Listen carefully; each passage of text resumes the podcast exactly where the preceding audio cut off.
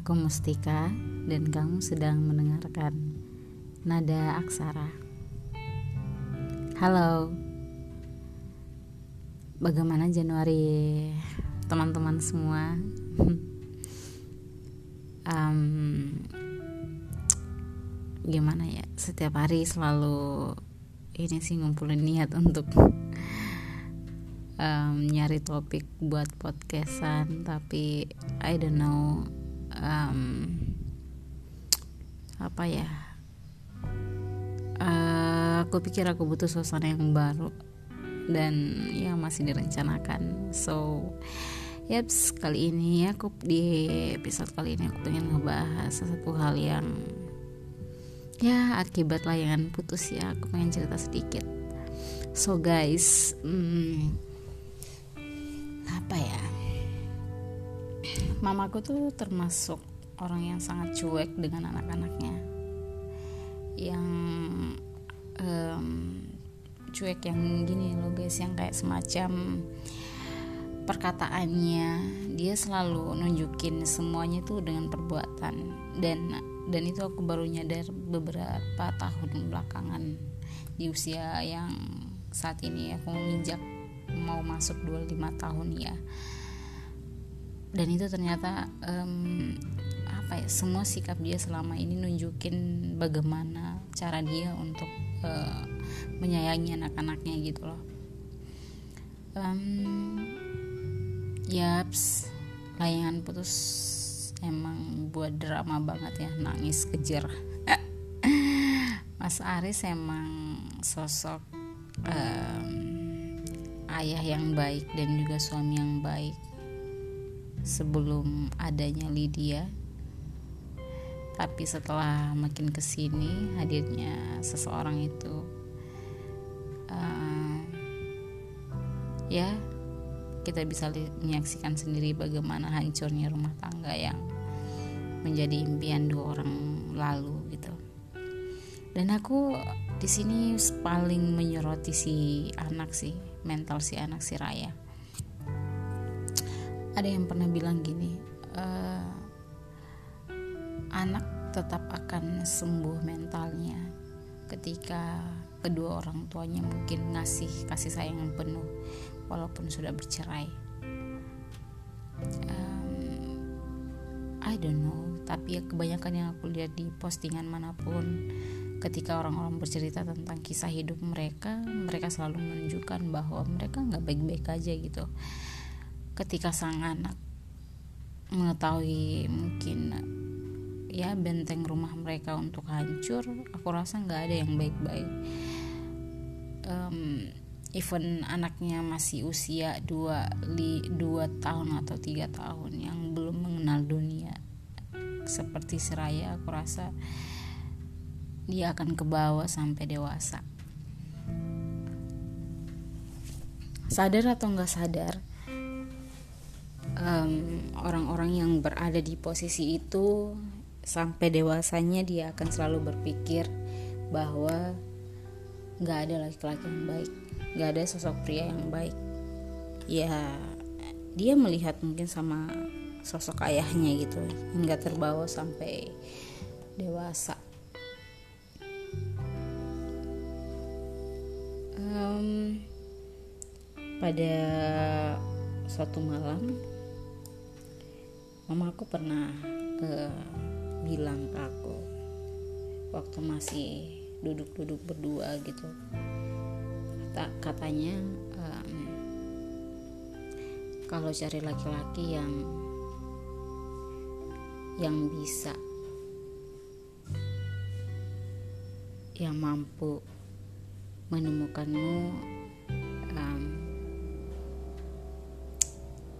apa ya ya tidak semua laki-laki berbalut dengan emas. Maksudnya adalah uang.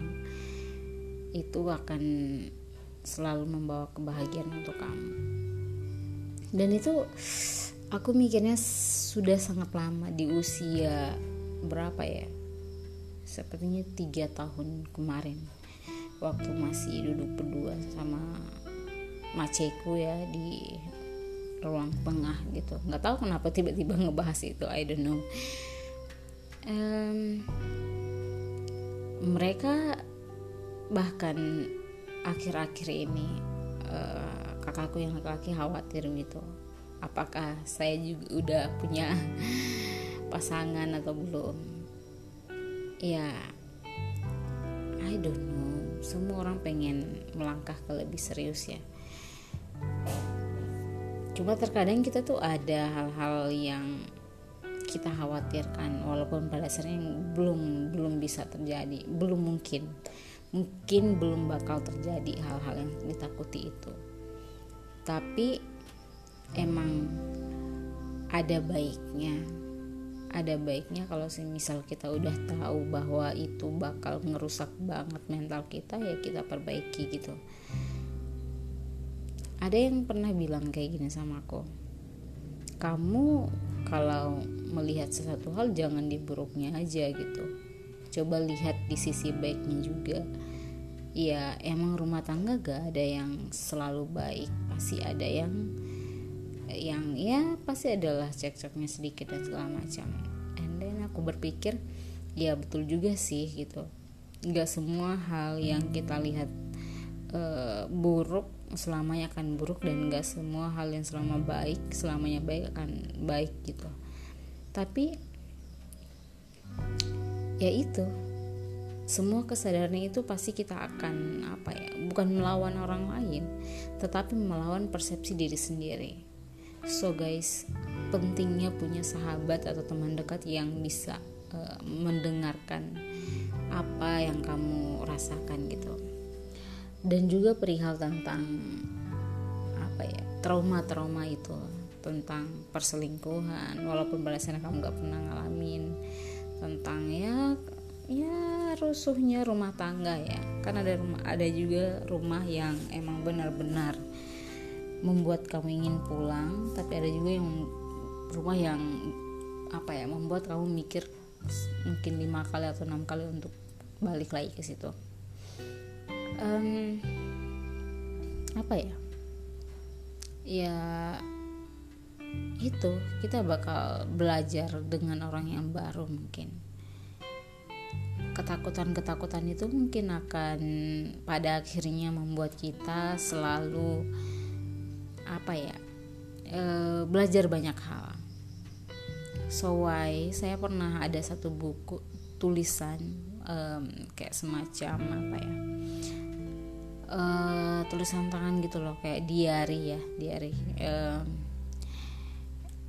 yang semua hal bahkan aku pengen tulis gitu apa apa pun yang aku dapat tentang masalah itu. Tentang bagaimana caranya memaafkan bagaimana caranya untuk nggak emosi ketika berbicara atau ketika mungkin bagaimana caranya kita harus meminta duluan minta maaf duluan sama pasangan dan segala macamnya hal-hal yang perlu memang harus dibicarakan. Sedetail itu karena setakut itu.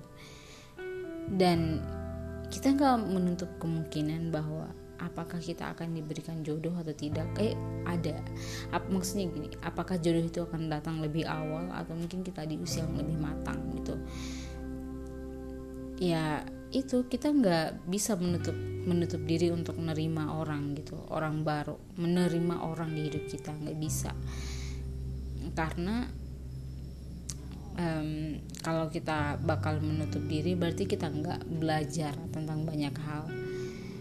Ya siapa sih yang pengen ngerasain uh, menjadi raya di usia yang seperti itu? Nggak ada. Tapi ada yang ngerasain tapi apakah raya yang itu akan ada di kehidupan kamu juga sebagai kamu pelakunya dan pasangan kamu? Belum tentu. So why um, kita punya keputusan untuk uh, ngejalanin lebih lanjut lagi tentang hidup kita. Ya? Um, seburuk apa pun seburuk apa pun kejadiannya ke depan ya kamu harus mampu. Kita harus mampu ngelewatin itu